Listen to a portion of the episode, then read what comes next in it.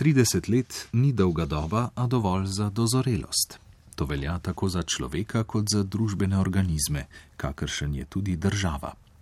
30-letnica je hkrati priložnost, da z razumne razdalje razmislimo o času, ki je minil, in uredimo razmislek o našem ravnanju v času, ki postaja zgodovina. Avtor oddaje Čas spominov je Ivan Merljak.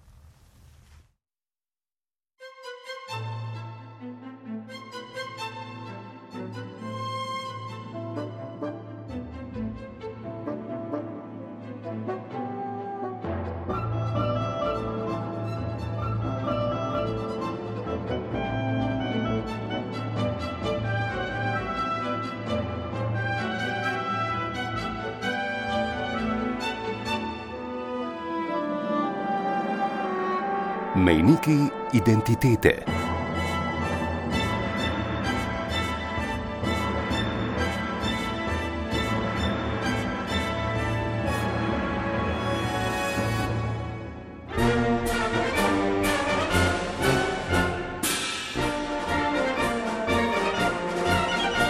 Trideset let je čas dozorelosti ne samo v življenju človeka, tudi v razvoju družbenega organizma, kakršen je država, tudi naša država Slovenija. Doslej smo pravili, da smo mlada država in mlada demokracija, v kateri se prerivajo ideje stare in nove, kakor nevihtni oblaki, da se včasih zabliska in zagrmi. Tudi zdaj bi morali turbulenco odraščanja preseči in v letih, ki so pred nami, vklopiti trezen razum v prid vseh, čeprav še tako različnih. Mejniki, kakršen je tudi 30-letnica, so hkrati priložnost, da z primerne razdalje razmislimo o času, ki je minil, in uredimo razmislek o našem ravnanju v času, ki postaja zgodovina. Obiskali smo nekatere akterje v vojni za samostojnost Slovenije iz vrst tedanje teritorijalne obrambe in milice, ki so premišljali o svoji vlogi pri osamosvojitvi in se spominjali dilem in stisk, ki so jih doživljali tedaj, še najbolj kot mladi očetje svojih družin. Najprej prisluhnite, kako se je obdobje osamosvajanja, ki se je za mnoge v teritorijalni obrambi in milici začelo že mnogo pred vojno, spominja tedajni poveljnik teritorijalne obrambe Ljubljanske pokrajine, polkovnik Miha Butara. Vrsto let sem že upokojen od eh, leta 2010, živim in ustvarjam v posebno novih pogojih življenja. Ki mi omogočajo, da se razdajam tudi družini, soprogi, tudi raznim aktivnostim, ki se jim prej nisem mogel. Del tega je tudi neka moja aktivnost, da bi spisal eno, morda dve knjige, vezane za čas osamosvajanja in vojne za Slovenijo. In moram reči, da me ni tako močno zagrabil išjas. Pred dobrim mesecem dni bi ta prva knjiga bila že narejena. Glede, ker danes po 30 letih gledam na čas dvojne, ugotavljam, da smo z izjemno eh, načrtnim, skrbnim delovanjem in preudarnim ter predanim dosegli velik uspeh, eh, takrat, ko je mnogo ljudi bilo skeptičnih in niso verjeli, da se lahko kaj takega doseže. Ko sem brskal po svojih dokumentih in obnavljal spomin, sem ugotovil, da smo mnoge stvari pripravljali izredno natančno in da so mi že več kot leto dni predtem načrtno pripravili z namenom, da eh, nasprotnika, to je bila Jugoslovanska ljudska armada, dočakamo najbolj pripravljeni, odločno in udarno. Mnogi ne vedo ali pa niso s tem seznanjeni, da smo mi imeli potem, ko smo okrepili delovanje manevrske strukture narodne zaščite, že v oktobru mesecu eh, izdelane načrte, da bi z našimi silami eh, posegli eh, proti vojašnicam z namenom, da jih blokiramo in da iz naših skladišč, ki so bile pod nadzorom Jugoslavijske ljudske armade, prevzamemo našo oborožitev in zagotovimo popolnitev naših enot z eh, tem orožjem, ter seveda ustrezno ukrepamo, če bi bilo to potrebno. Tisti, ki smo se vsa 80 leta ukvarjali z obrambo slovenskih interesov na različne načine, tako na kulturnem, eh, civilnem, vojaškem, kakršnem koli področju, smo bili globoko upeti v te odnose in smo vedeli, kaj nam predstavljajo te pritiski in kakšno nevarnost za sabo vodi Slobodan Miloševič in veliko srpski nacionalizem. Tako da ne me vla želja, da vse te njihove napore blokiramo, zaustavimo, onemogočimo na kakršen koli način. In že predvsej pred vojno smo bili pripravljeni v veliki meri zaustaviti vsako tako dejanje proti Sloveniji, skladno s svojimi možnostmi in pogumom, ki je bil pa izredno velik. Bližali smo se referendumu o samostojnosti, bližali smo se recimo razglasiti Slovenije, je ta moč ljudeh, v pripadnikih tega postajala vse večja. Jaz sem imel občutek, da takrat ni bilo sile, ki bi nas lahko zaustavila v naših ciljih. Cilj pa je bil v bistvu obramba domovine na vsak način in pred komerkoli.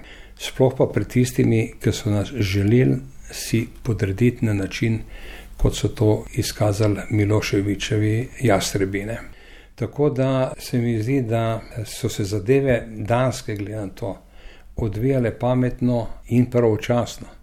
Čeprav mnogi na vrhu in tudi po Sloveniji niso dojeli razsežnosti Ljubljane kot glavnega mesta Slovenije, niso dojeli, da je tukaj 330 tožent civilnega prebivalstva, da je tu strahotna velika koncentracija enot Jugoslovanske ljudske armade, ne zavedajoč se tega, da gre za glavno mesto države in da je v tem glavnem mestu vsa obrastno politična struktura.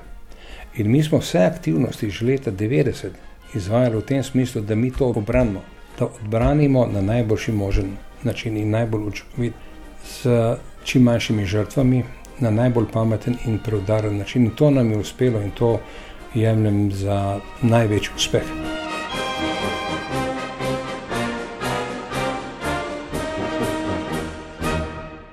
Miloš Šonc, polkovnik slovenske vojske v pokoju, je bil načelnik obveščevalne službe v pokrajinskem štabu teritorijalne obrambe Ljubljana do reorganizacije tik pred vojno in že kmalo je bil vključen v najožjo skupino tistih, ki so kot sol in kvas širili vero in prepričanje, da nam bo plebiscitarno odločitev o samostojnosti uspelo zavarovati, ubraniti in uresničiti. Večkrat sem se že srečal s tem, da so častniki, s katerimi sem se doslej pogovarjal, razumeli teritorijalno obrambo kot našo slovensko vojsko. Ja, res je bila naša skozi. Dejstvo je, da je pripadnik miličnika ali je to teritorijalce ali je to gasilce ali karkoli, eh, skratka državljan, vezan na svoj teren, na svojo okolico, kjer dela in živi. In tako smo dejansko imeli organizirane naše enote. Tako smo se več ali manj tudi eh, usposabljali na terenu, na katerem smo živeli, ga odlično ga poznali, poznali seveda tudi se med seboj. Eh, ne samo zvaj, tudi v okviru recimo, firm. Vsa preverjanja, ki smo jih imeli, neodvisna, torej tudi iznad nas, so dokazovala, da je ta struktura visoko usposobljena, motivirana, opremljena, tudi eh, sodobna, skratka močna. Večino oborožitve so prispevale takratne družbeno-politične skupnosti oziroma organizacije, firme. Recimo, mi smo, Slovenija, smo morali naše orožje sami nabaviti v celoti, medtem ko v nekaterih drugih republikah temu ni bilo čisto tako. Kdaj pa je bil tisti trenutek, ko se je doktrina obrambe pred vzhodom in zahodom spremenila v doktrino obrambe pred jugoslovansko ljudsko armado. Poskusi spreminjanja so se praktično dogajali vse od, od leta 80, se pravi od smrti takratnega predsednika naprej. Ampak bolj intenzivno je pa to tam v času druge polovice 80-ih let. Takrat so nekateri indici v odnosih kazali, že kar včasih malo na kašne, eh, skoraj da konflikte. Ne. Mi smo v drugi polovici 80-ih imeli recimo prakso, da so naše enote, recimo v rangu bataljona, imele dvostranske vaje z enotami bataljona eh, JLA. V teh usposabljanjih smo praviloma izredno uspešno parirali delovanju z njihovimi aktivnostmi in to jim ni bilo prav. Tako smo recimo enkrat smo imeli nad Pohovim gradcem, eh, mi smo imeli bataljon v obrambi, medtem ko je polkovnik Šipčič, takratni poveljnik brigade v Šentvidu, je imel kontrolo Gine, so imeli najprej streljanje na velikih blokah in potem so v postopkih šli napad na naš bataljon. In tam so se že dogajale tudi, bom rekel, milo rečeno, ne samo nestrokovne, ampak tudi čudne stvari. Ne. Izpadi enega poveljnika ranga brigade na neki nacionalni osnovi, takrat proti enemu slovencu, so nam že daleč utretne, da se dogajajo stvari, ki pa morda niso ali pa nismo vsi skupaj kosne. Tudi nekateri strokovni postopki so, milo rečeno, bili absolutno neprimerni, recimo s četo iti v napad v koloni in tako naprej. Skratka, jezen ne, je dajal povelja tudi, ki niso bila ravno eh, breko na nivoju. Najbolj pa to prišlo do izraza, ko smo imeli enote na rakitni. To je bila pa živaja po oduzemu orožja oziroma po volitvah. Takrat smo mi imeli eno brigado minus, ključno z enotami za protispecialno delovanje, z protiavionskimi enotami in tako naprej. Eh, in smo organizirali protidesantno borbo proti bataljonu JLA, ki je desantiral, dejansko desantiral s prevozom iz postojne. Taktično so sicer naredili napako in so eno četo napačno desantirali v župeno, ne? Ampak smo se mi predislocirali takoj, ker ni bilo v nobenih scenarijih in podobno. In na tem terenu so bili, bom rekel, ključni tudi uh, opazovalci, recimo general Hočevar, takrat pa iz uh, Zagreba je prišel general Rašeta. In uh, takrat sem v nekem trenutku, ko je bilo vmes malo časa, se s polkovnikom Žitkom, ki je bil zadolžen za RKBO na takratnem starem republiškem štavu za teritorijalno obrambo, se pogovarjal s nekom, ampak vidim po obrazih, da nekaj jim ni prav kolegom na drugi strani. Ne? In me tako izpod očal pogleda, pa prav premočni ste. Tle ste sami kapetani, pa točete tam podpolkovnike, majorje. Rašeta je pričakoval tukaj, da, da bo slabša oborožitev, tukaj pa z raketami strela 2M ste prišli z trocevnimi topovi in tako naprej. Tudi samo oborožitev Nova 762, niso to zdaj puške 79 bile in tako naprej. Tudi to jim absolutno ni všečne pravi strokovno in taktično v vseh ozirih parirate ali pa slovote, pravi in kar je glavno, ljudi imate za sabo. In to je nevarno, je rekel.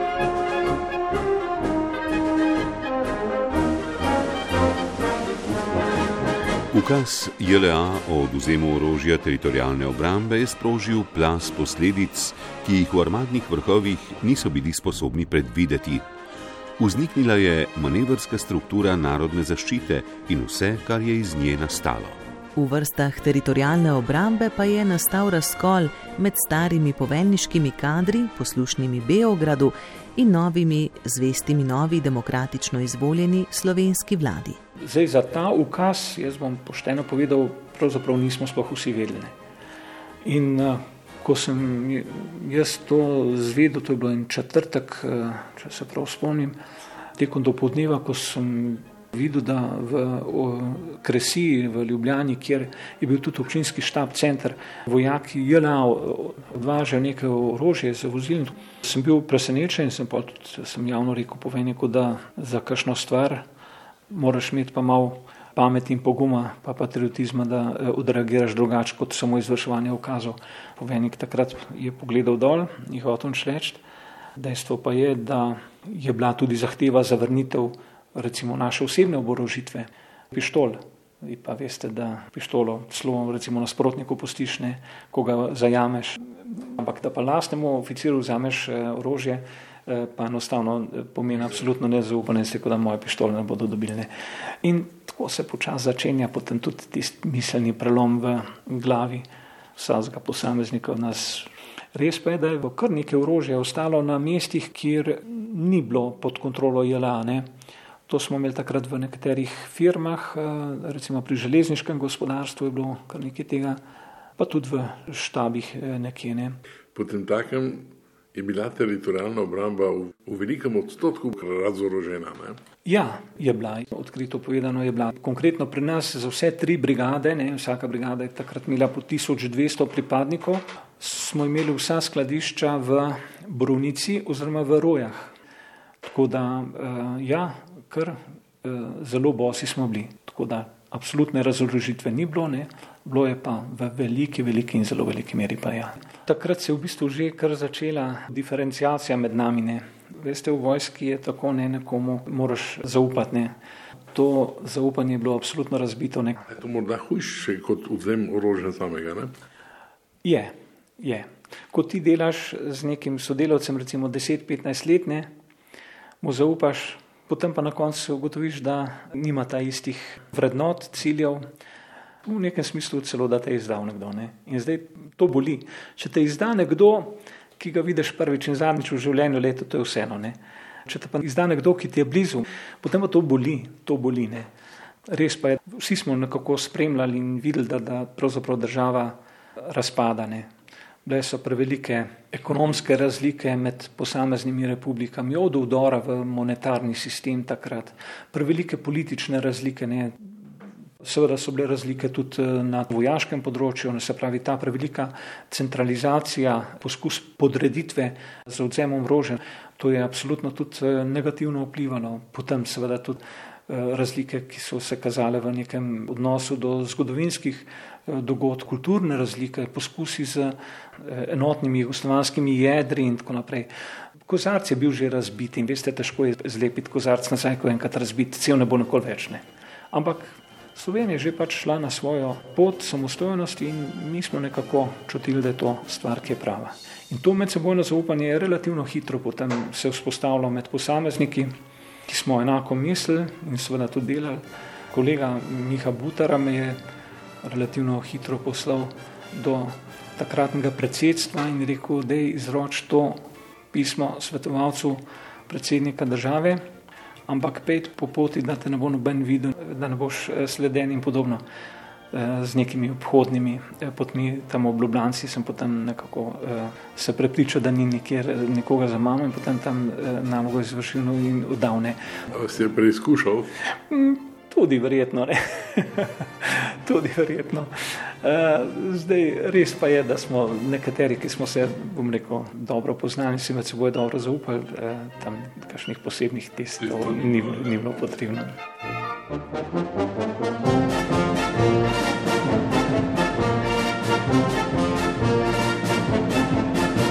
RŠTO, ta stari bil kaj, Republiški štab teritorijalne obrambe?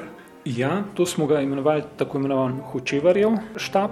Da je nov RŠTO, ki je nastal v začetku oktobra po zasedbi stavbe na Prežihovi in po prenosu manevrske strukture narodne zaščite na Slaperja.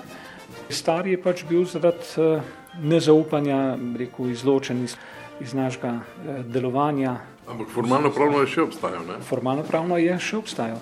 Res pa je, da v času manevrske strukture narodne zaščite ne, smo mi delali praktično samo za potrebe nove države, novega vodstva, popolnoma usporedno z eh, ta starim rešetom. Niso niti videli za naše delovanje. Te aktivnosti takrat so bile tajne, ampak tudi izredno kompleksne, tudi motivirane z, našimi, z naše strani. Tako smo delali praktično dva delovnika dodatno, poleg osem ur v službi, ne, še recimo po noči eh, prevoz eh, orožja, skladiščenje orožja, eh, streljiva. Mi smo pa skladišča tajna pol postavljali na, na smereh, kjer smo predvideli, kot sem prej omenil v presoju, kaj se bo dogajalo. Eh, moram pa reči, da nikoli ni bilo prebito nobeno naše tajne skladiščine. Tudi enkrat eh, v centru so prišli sicer najbližje, tam ne 200 metrov, pa jih je potem milica dobila, ena dva so ujeli. Ampak smo isti dan tisto skladišče potem selili na mali usolnik tle pri Turjaku. Dejstvo je, da je vse orožje in streljivo, minsko-eksplozivna sredstva, ki je bilo skladiščeno na teh mikrolokacijah, bilo v izredno varnih eh, lokah, da so imetniki teh skladišč nosili, da rečem, kar glavo v torbi.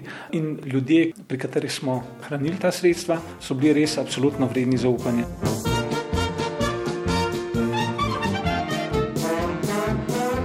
Miloš Šolc je dobil zadolžitev čim več zvedeti in spoznati nasprotnika, zdaj že odkrito, JLA. Njegova naloga je bila po eni strani paradoksalna, saj je spominjala na odnose v družini, ko nenadoma spoznaš, da pravzaprav ne poznaš brata ali sestre, s katerima si preživel vse življenje.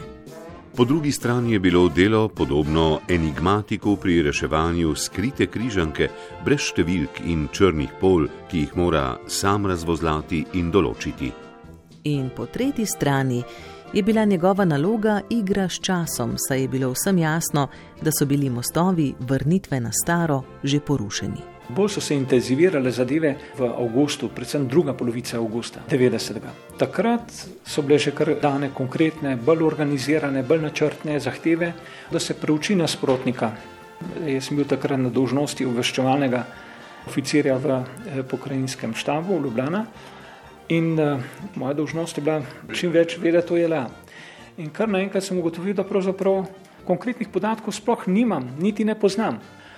Torej, po tem prvem presenečenju moram reči, da sem začel intenzivno zbirati podatke, pri čemer so mi eh, zelo veliko pomagali, predvsem kolegi v upravnem delu, ki so delali kot referenti, torej tudi na popolnjevanju enot JLA. Zato so imeli določene formacijske podatke, iz katerih sem potem izluščil neko dejansko stanje. V začetku je bila celo varianta, da, da je la upokliče o rezervno sestavo, našo slovensko, ker bi s tem imela kontrolo nad ljudmi, ki so usposobljeni, v vsakem primeru bi, bi jih pa lahko eh, izločila in nas na ta način oslabila. Bolj, ko se je situacija tudi v državi, družbi razvijala, manj je bila verjetna seveda tudi ta možnost, opcija, ampak sem resno razmišljal o tem. Relativno hitro je tudi prišla zahteva, da naj naredim presojo za republiški nivo najprej, eh, se pravi za celotno državo. To presojo sem delal po ukazu načelnika takratnega Krkoviča, ki mi je prinesel Miha Butara in uh, je to bilo, kar do jutra mora biti to narejeno.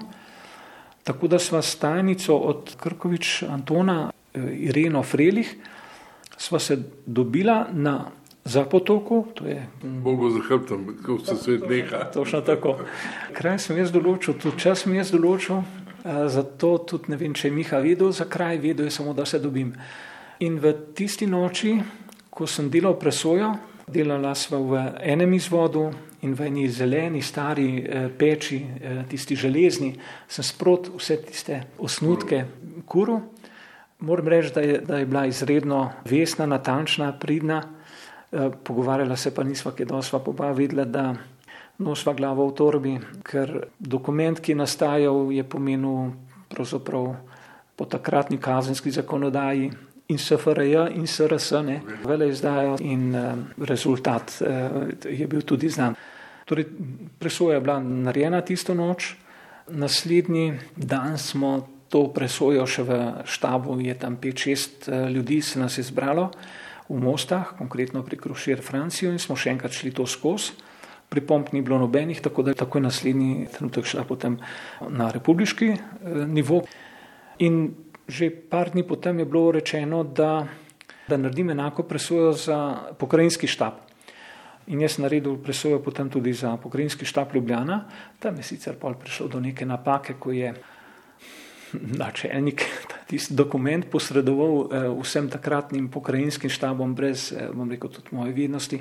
V glavnem, ja, dokument je bil narejen in tisti dokument je bil pa tudi osnova kasneje za presojo gor oziroma za sestanek na pristavi, ki je bil eh, kasneje. Drugač pa na podlagi te presoje, kjer je bil prvič pisno kot nasprotnik Slovenije, je bila določena JLA. In na podlagi te presoje smo pa potem seveda začeli mi izvajati ukrepe, predvsem pa načrtovanje, da se ta grožnja, ta nevarnost anulira oziroma izniči. Tako da tisto orožje, ki ni bilo predano ali pa ki je bilo v Kočevski reki, se pravi, tisto orožje je bilo potem deljeno tudi na podlagi teh načrtov in teh presoj. In seveda tudi ostalo orožje od tistih občinskih štabov, ki niso predali, ki tam 16-17 štabov ni, ni predalo. Ne. Tako da kup aktivnosti bil potem eh, izveden. Seveda so bile tudi takoj zahteve, da se glede na grožnje takoj pokrivajo vse vojašnice, Ker recimo poveljujoč ne more odločiti, dokler nima podatkov o nasprotniku. In mi smo podatke o nasprotniku potrebovali najprej, najprej je bilo treba zbrati, tako da tu je bilo v Ljubljani tam okrog in okolici tam okrog 24 takih objektov, vojašnic in vsega ostalega, torej strukture vojaške, ki smo jo pokrivali praktično 24 ur. Dr. Igor Potočnik je redni profesor na Biotehnički fakulteti v Ljubljani na oddelku za gozdarstvo in obnovljive gozdne vire. Je tudi rezervni major slovenske vojske.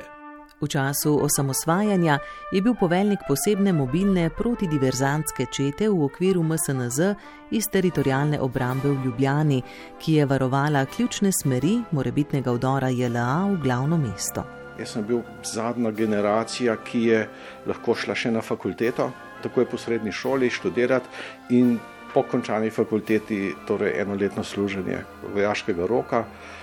Jaz sem imel priložnost, da sem lahko šel v šolo rezervnih oficirjev v Ljubljani, v Šentvit.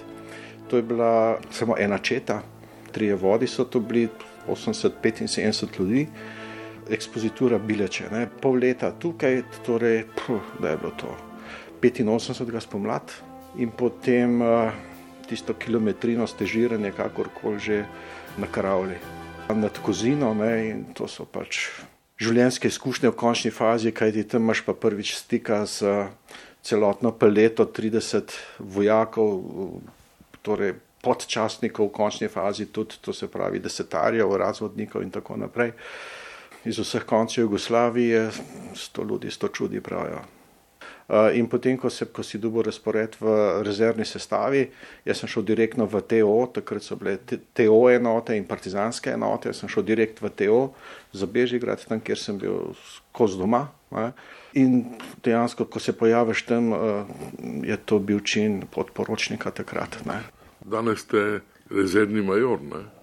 Ja, tam 94, 95 ga pač ta čin dobil. S tem, seveda, da kakšne posebne vojaške karijere je, seveda, nikoli nisem imel pred očmi. Ne. Tako kot mojih prijateljev, kolegov, bojnih tovarišev v končni fazi tudi. Ne. Vsak se je pač nekaj najdel. Američani mislijo, da ima ta lep izraz Brothers in Arms. Ne prijateljstva skovana v takih ekstremnih situacijah, kot, kot so tudi uh, spopadi, to je nekaj, kar ostane.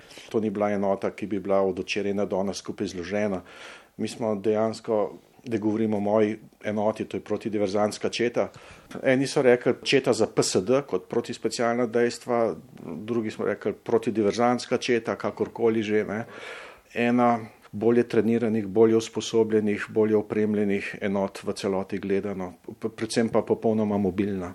Na eni strani to pomenilo odzivni čas eh, od alarmiranja do zbiranja enote manj kot 24 ur. To je pomenilo, da, je, da smo bili pravzaprav popolnoma upremljeni eh, v popolni bojni upremi, ki smo jo doma shranili. To se je zgodilo enkrat septembra, tako na pamet, septembra, oktobra 90. Ne. Eh, tako da je enota takoj prišla v strukturo, manevrske strukture narodne zaščite in odzivni čas je bil fenomenalno kratek za današnje pojme. Ker enota ni bila kar tako, bi rekel, slučajno skupaj zložena, ne. Eh, mogoče mečkano težko bi rekel, izbranci, ne? ampak eh, kljub vsemu pa vendarle zanesljivi, ta pravi, predani in tako naprej. Ne? Recimo, da je bil to skupni imenovalec enote. No? Ja, vsak posameznik ne, nekaj štev, po domače rečeno. Seveda, vse hierarhija jasno obstajala ne, in, in znotraj občinskega štaba, znotraj enote in tako naprej. Ampak v končni fazi, v taki situaciji, v taki enoti, si morajo biti od, od ramena do ramena, iz oči v oči.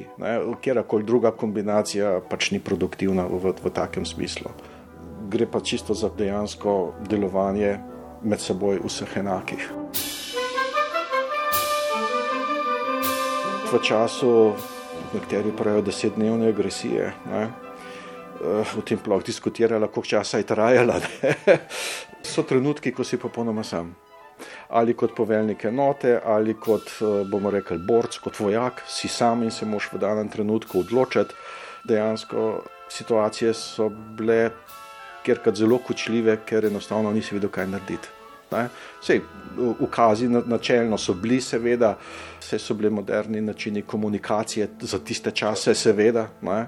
Eh, brežične in tako naprej komunikacije, eh, tudi kodirane v končni fazi, pa vendarle na terenu, na križišču, sred Ljubljane, se moraš enostavno v tistem trenutku odločiti, kaj pa zdaj. Časa, seveda, za kakršne koli blazno usklajevanje in tako naprej, seveda, ni bilo, v kas je prišel, treba se je bilo predstaviti za A na B, da nam reko iz Bavarskega na, na delovski dom ali pa proti RTV-ju ali pa proti sodišču ali pa kamorkoli že. Ali pa na avtobusno postajo ali pa leteti po Čmarno goro. Zdaj seveda na nivoju Ljubljane, mesta, to so obstajale koordinacije in tako naprej, od katerih smo mi seveda bili podrejena enota, samostojna četa v okviru takratnega občinskega štaba za Bežigradom. To so bili to, kar je bilo občin, to, kar je bilo občinskih štabov plus mestni štab. Mi smo imeli pa na razpolago kar nekaj kombijev, vozil, ne, ki so bila seveda vsa iz, bi rekel, iz podjetij izuzeta ven. Enega se spomnim, da mislim, da je bil celo iz filozofske fakultete, pa ne me zdaj za besedo držati, mogoče je bilo to malo kasneje. In to so bila naša prevozna sredstva. S kombijem si praktično, kot z osebnim avtom, v desetih minutah uh, si tam le v, v povodju, tam pod Čmarno goro, ne, iz centra Ljubljane. Ne.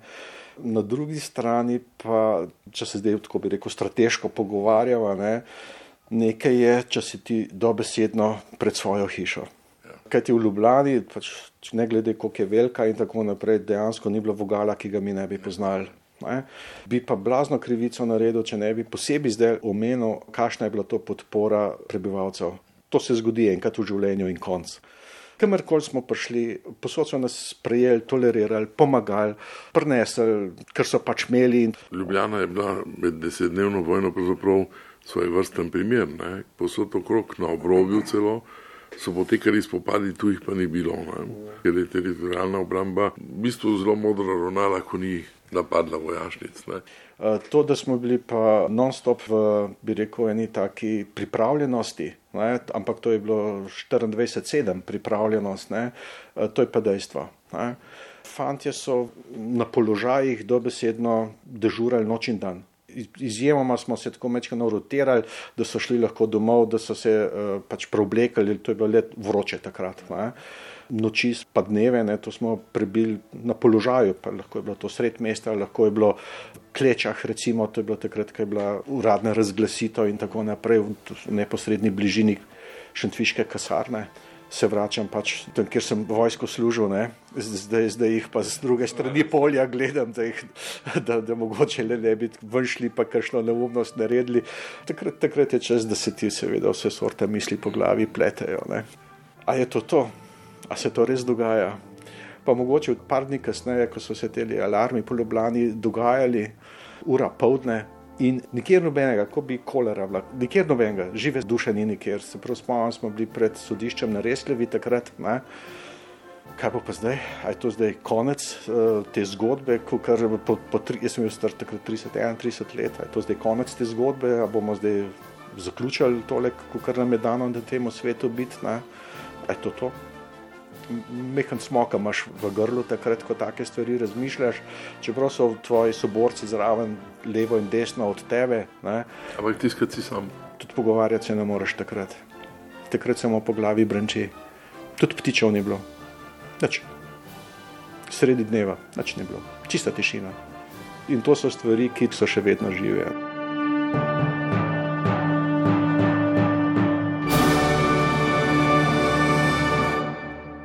Takrat, ko je, ko je bilo ta proslava v Ljubljani, ne, takrat smo bili že vsaj en cel dan v, v klečah. Ob, občutek je res uh, neponovljiv, ker to so pač uh, dogodki, ne, ki se pač kar kopičijo en, en čez drugega. Takrat seveda nisi toliko. Uh, pameten, ne, ne vem, kakšen zorganiziran, da bi si ti na, na tak ali drugačen način beležil, kaj še le kaj fotografiral in tako naprej, ker to gre se svetlobno hitrostjo, vse te stvari dogajajo.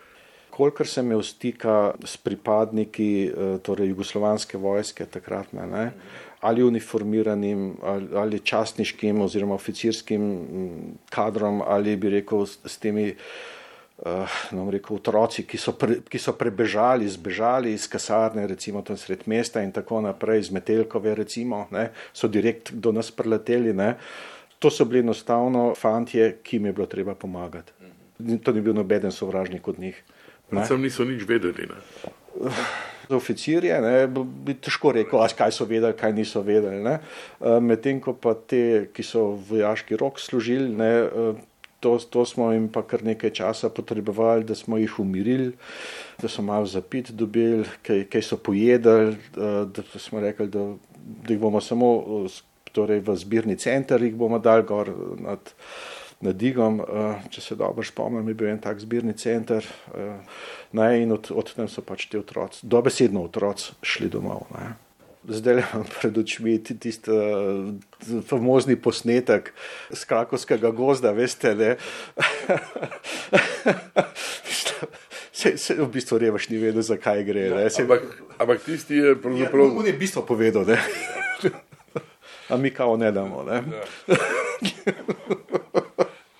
Ja, ja da se temu režimo. Ne. Se smejeva, ne, uh, on je pa to vidno, vidno pretresen to povedal. Ne. Uh, in tudi takrat, ko sem prvič to videl, meni je bilo čisto smešno. Ja, ampak zanimivo ne? je razkril vso tragiko te danje Jugoslavije. Ne? Ja, ja. No, takrat, ko pride trenutek, takrat, ko čutiš, kaj je treba narediti, ne? pač narediš. Ker če, če smo imeli decembra 90 voljo, korajžo in tako naprej, se odločiti, kakor se je ljudstvo odločilo, potem je treba pač te odločitvi tudi konsekvence sprejeti. Ko se enkrat odločiš in potem tudi narediš, spelješ kakorkoli že, je v bistvu ena najslabših stvari, da razmišljaš, kaj bi pa bilo, če bi bilo. Ne, v tistem trenutku si se odločil, kakor si se odločil, in to je zdaj moja odločitev, in jaz za njo stojim.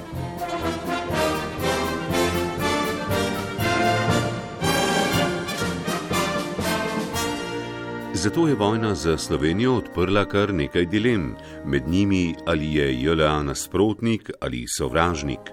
In od tega je bilo odvisno tudi ravnanje milice in teritorijalne obrambe do blokiranih in zajetih pripadnikov JLA.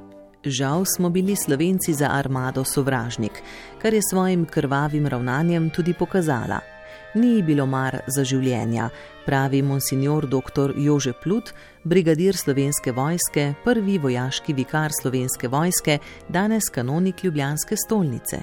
Toda tudi, če je sovražnik. Vsak je človek, ima enako pravico do življenja ne? Eh, in je čisto vseeno, kako gledaš na človeka kot sovražnika.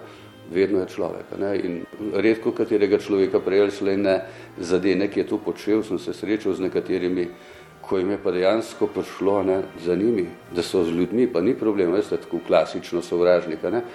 Problem je potem, ko se zavedaš, da, da so še druge žrtve lahko mnogo krat ne, in da tudi sovražnik je samo človek. Ne, in to predelati, iti preko tega je osebno za vojake zelo veliko breme in se premal tega, premal tega zavedajo vse države. Ne. Tudi znane so stvari, kako je v ameriški vojski, koliko je samomorov med veterani. Ne, iz mnogih razlogov, zaradi razočaranja, ne, ker nimajo tega, kar so pričakovali, predvsem pa zaradi tega, ker nosijo breme. Ne? Ta izkušnja bivšega sistema, totalitarnega, ne, ki se je poznal tudi v vojski, tudi vemo, kakšna je bila vloga prejšnje vojske, ne, ni bila samo zoper zunanjega sovražnika, ne, že to je temeljna razlika med vojsko demokratične države pa neko vojsko totalitarne družbe, ne, prejšnja je bila torej imela dvojno področje, ne, da ne govoriva še o unih tajnih odzadej, se pravi, imela vlogo navzven in hkrati je bila simbol in tudi varuh ne, družbene takratne ureditve, to se pravi socialistične ali komunistične. Katerem... Ampak povampirana oblika je bila ravno bojna za Slovenijo. Ja, takrat se je pa pokazalo ne, in seveda, tudi ker imam seveda izkušnjo iz takrat, dobro vem, kako je v bistvu funkcioniralo. Ne. Eno od vidikov, kako bova rekla, moralno, duhovni, ne, Cilj upravičuje sredstva, ne? ne glede na sredstva, doseči cilja. Ne? In vemo, kakšen je bil cilj JLA. Ne? Žrtve so nepomembne. Ne? Ne, pomemben je cilj. Ne?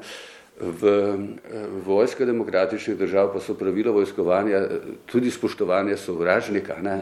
Sovražnika nimaš pravice ubiti, ne? ampak ga imaš pravico nesposobiti. Ne? To mora biti cilj.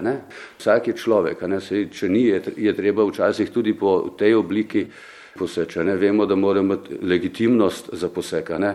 moralno upravičilo za poseg, bodi si na vzven, bodo sosednje države ali pa do tuje države nekje druge, ne? ker vemo, da v globalnem svetu ne braniš ti svoje svobode in demokracije samo na lastni meji.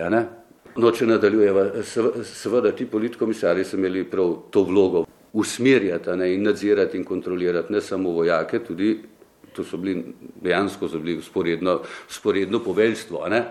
politično torej. Medtem ko v vojski demokratičnih držav imaš pa ljudi, podporne službe, ki poveljniku pomagajo pri tem, da lahko boljše vodi in da so vojaki zadovoljni. Imaš to se pravi pravno službo, psihologe, v mnogih vojskah tudi socialne delavce in duhovno skrbo. Ne? Vsak seveda v svojem področju, na svoj način. Ne? Američani imajo recimo psihologe v mirnem času, tako bolj v štabih? Eh, malo številne, ko pa je seveda treba pomagati vojakom, zlasti pri vprašanjih posttraumatskega stresa, pa ogromno psihologov in psihiatrov vključujejo pri pomoči. Duhovniki so pa skozi z vojaki. Skratka, vsak bataljon naj bi imel vsaj enega ali dva verskega delavca, ne, ki skrbi za eh, vojake sebi lastne vere in seveda tudi pomaga, kolikor je moč drugače vernim, ne, pa kontaktira z drugimi duhovniki, da pridejo. Ne. Skratka, popolnoma drugačna zgodba. Ne.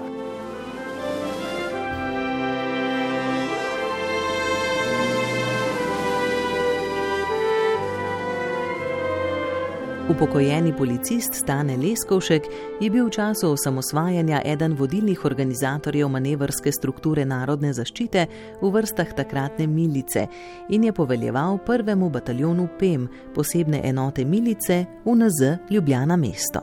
Tisti čas nismo razmišljali na nek tak poglobljen eh, način, je to službena dožnost, je to ne vem, nekaj drugega. Jaz sem bil že od nekdaj, že po športni plati, slovent, moji starši so bili vedno na strani domovine, domoljubja, vzgajali me na tak način. Tako da eh, za me to ni bila neka posebnost, kaj storiti v neki taki situaciji, posebej po vsem tem, kar se je dogajalo na moji službeni poti, kako pomagati slovencem, vsem tistim ljudem, ki potrebujejo pomoč, razmišljali smo povsem drugače. Takrat smo bili res ljudski miličniki, pomagali kjerkoli se je dalo, reševati življenja, premoženje, ob požarih, ob eh, vlomih, ob eh, vseh eh, zadevah, tudi na cesti. Skratka, povsod. In prepričan sem, da bi vsi ti veterani, s katerimi sem jaz imel možnost in priliko uh, sodelovati, bi tudi dan storil vedno isto, enako, brez uh, neke, kaj, kaj se bo z mano zgodilo, kaj se bo z mojo družino zgodilo. 4. oktober leta 90, ob zasedbi Republikanskega štaba za teritorijalno obrambo, je dobila žena sporočilo po telefonu, da mi bodo ugrabili hčero in da jo bodo ubili. Vse to je bilo v tem zakupu, pa ne samo pri meni.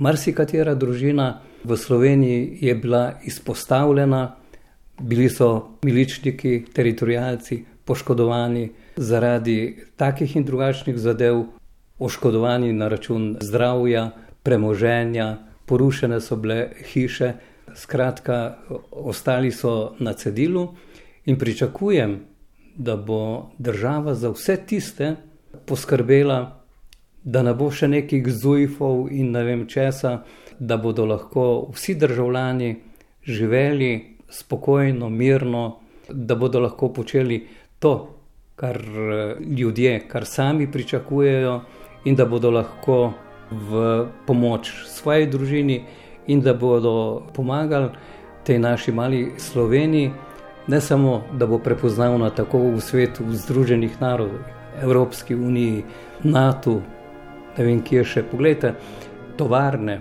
poznane po celem svetu, naši strokovnjaki, poznani po celem svetu. Kako smo veseli, ko slišimo, da je nekdo zopet dobil neko medaljo na nekem eh, mednarodnem tekmovanju, svetovnem, evropskem prvenstvu, na olimpijadi. To je ta naša Slovenija.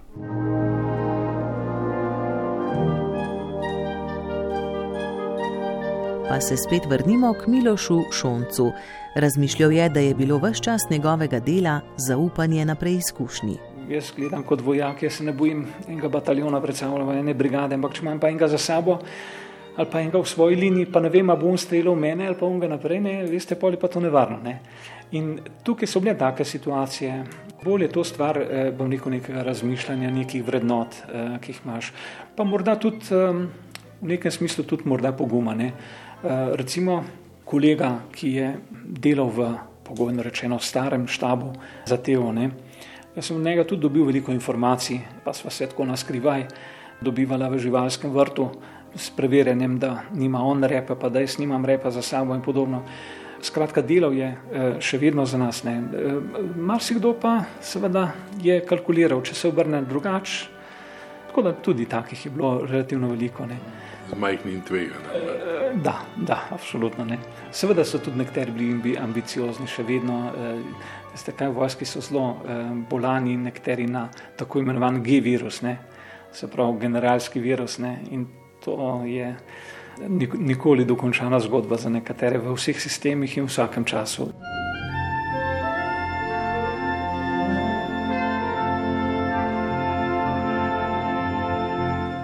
Vojno vsakdo doživlja po svoje, tudi kot čas močnih čustev vseh barv in njans, od panike, strahu do poguma. Vsem pa je skupen osebni odnos do dogajanja in razmišljanje o njem. Dr. Igor Potočnik iz te desetdnevne vojne je mogoče en tako, bi rekel, res močno sled pusto prelet helikopterja, to torej govorimo o pilotu Toniju Merlaku, ki je bil potem sestreljen. Tistem trenutku je bila moja enota, en del moje enote eh, na delovskem domu.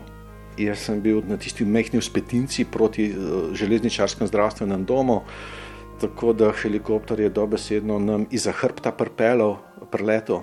Ne? tako po diagonali od zdravstvenega doma proti uh, galeriji, mogoče uh, odpeljal proti, ali pa proti pravoslavni cerkvi, uh, nad staro preširnovo cesto, recimo, ne, mogoče nekaj časa. Uh, Lebdev nad, mogoče tako z mojega vidika, tam nekje nad Rjavčevo. Ne.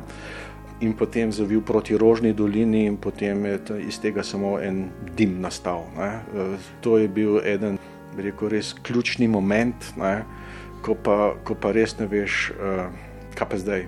A je to zdaj to, a, a zdaj se gremo pa čist, čist za res, za res. Kaj ti do zdaj smo se šli čist za res, ne. zdaj pa čist, čist, čist za res, za res. Ne. In takrat uh, so pravzaprav enostavno ne veš, kaj narediti. Ne. Na eni strani veš, kaj je tvoja naloga, na drugi strani te, te je strah za samega sebe. Da ne rečem, da si za 80-90 ljudi, ki so v enoti tako ali drugače odgovoren. Pa začneš študirati, kaj bo pa z otroci. Stare sta bile ena, dve leta, ena, mogoče šest, tako da je to to.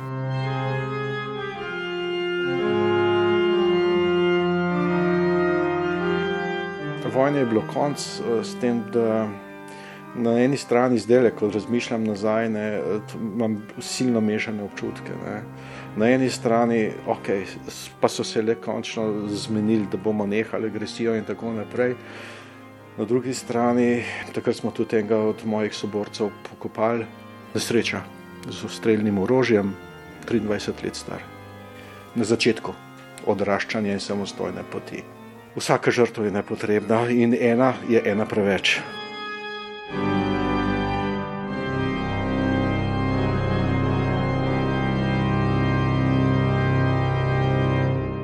General Ladislav Lipič je upokojeni častnik slovenske vojske in diplomat.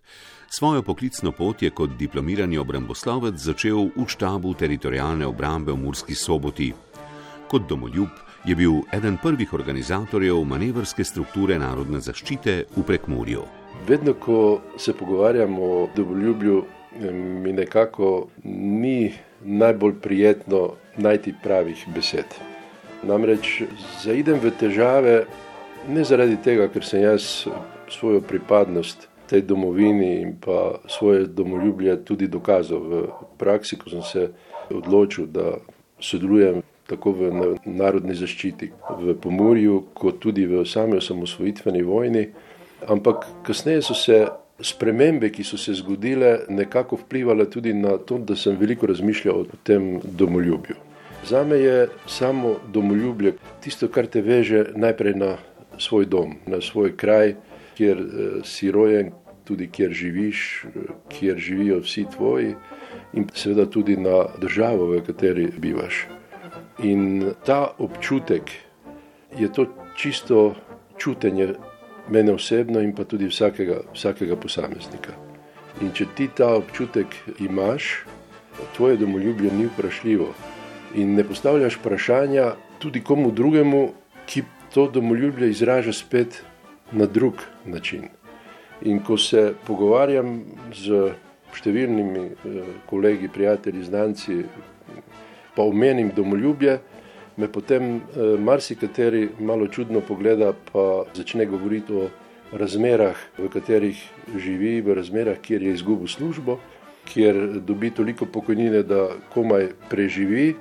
In potem se seveda vpraša, kakšna je pa to domovina, še posebej, če se je za njo izpostavil. Potem mu je država rekla, ti nisi veteran do svojega 50. leta, potem so mu rekli, ne, ti tudi do 55. nisi veteran. In potem mu vzamejo za nekaj časa še to malenkost, ki je neke vrste priznanje za, za to njegovo dejanje, in potem se cela organizacija ukvarja z tem, da na nek način dobimo to, dobimo to nazaj, ampak spet ne v celoti in spet dajo to samo najbolj ranljivi skupini veteranov. In se tudi sam čutim nekoliko neuspešnega, da nismo vsem vojnim veteranom, kajti to ni socialna kategorija, ampak je to kategorija priznanja, da so se leta 91 zoprstavili z orožjem in izpostavili svoje življenje. In seveda, če potem govorimo dalje, potem pa ugotovimo, da so tisti največji domoljubi tudi tisti, ki so nekako največ dobili od te države, bodi si, da so si sami vzeli, bodi si pa, da so to dobili zasluženo. Ampak veliko ljudi domoljube tako gleda. Ne, zaradi tega se raje izogibam eh, besedi domoljubje, domoljub, ampak raje uporabljam druge vrednote, kot so biti pošten, biti samozavesten, biti ponosen na svojo domovino, na svojo državo. In poskušam dopovedati svojim kolegom, veteranom, da je živeti samo na dosežkih iz leta 91 nekoliko vprašljivo, da je treba biti na to obdobje ponosen, da je v tem obdobju potrebno povedati vse tako, kot je bilo, ne pa nekoliko drugače, kajti te posledice so potem hude za posameznika, katerega politika izkoristi za to, da napravi heroja z njega, ker ga rabi, potem ga pa seveda zavrže. Potem takem je domoljubje vrednota, neko občutenje, ne, ki je lastno vsakemu človeku in je različic, koliko je ljudi. Nekako takole, ja. Prav gotovo je pa to vrednota in to pozitivna vrednota in uh, seveda se iz te vrednote tako kot iz vsake druge vrednote, ne smemo eh, nekako delati, omalevaževati, če lahko tako povem, ampak pustimo to ljudem, da vsak čuti to svojo pripadnost, eh, svojo ljubezen do domovine, do doma. In to se mi zdi pravilno. In če bi velika večina ljudi, še posebej tistih, ki odločajo, tako eh, gledali, če ne bi to domoljubje izkoriščali za nabiranje političnih točk, potem bi eh, verjetno tudi bilo eh, življenje veliko bolj mirno, še posebej zdaj, ko se srečujemo s takšno krizo, nekateri to eh, celo izkoriščajo spet samo za politiko oziroma v okviru politike in mislim, da to ni dobro. In to sem tudi večkrat ponovil, da smo si sami sebi največji sovražniki in da smo sami sebi največ škode naredili. To je bila oddaja Mejniki identitete ob 30. obletnici osamosvojitve in neodvisnosti Slovenije z naslovom Čas spominov. V njej so sodelovali nekdani akteri v vojni za Slovenijo iz vrst tedanje teritorijalne obrambe in milice. Oddajo sva povezovala Jure Franko in Mateja Perpar. Tonski mojster je bil Janez Ahlin, avtor oddaje je Ivan Merljak. Oddaji lahko spet prisluhnete prek spletnih strani Radio Televizije.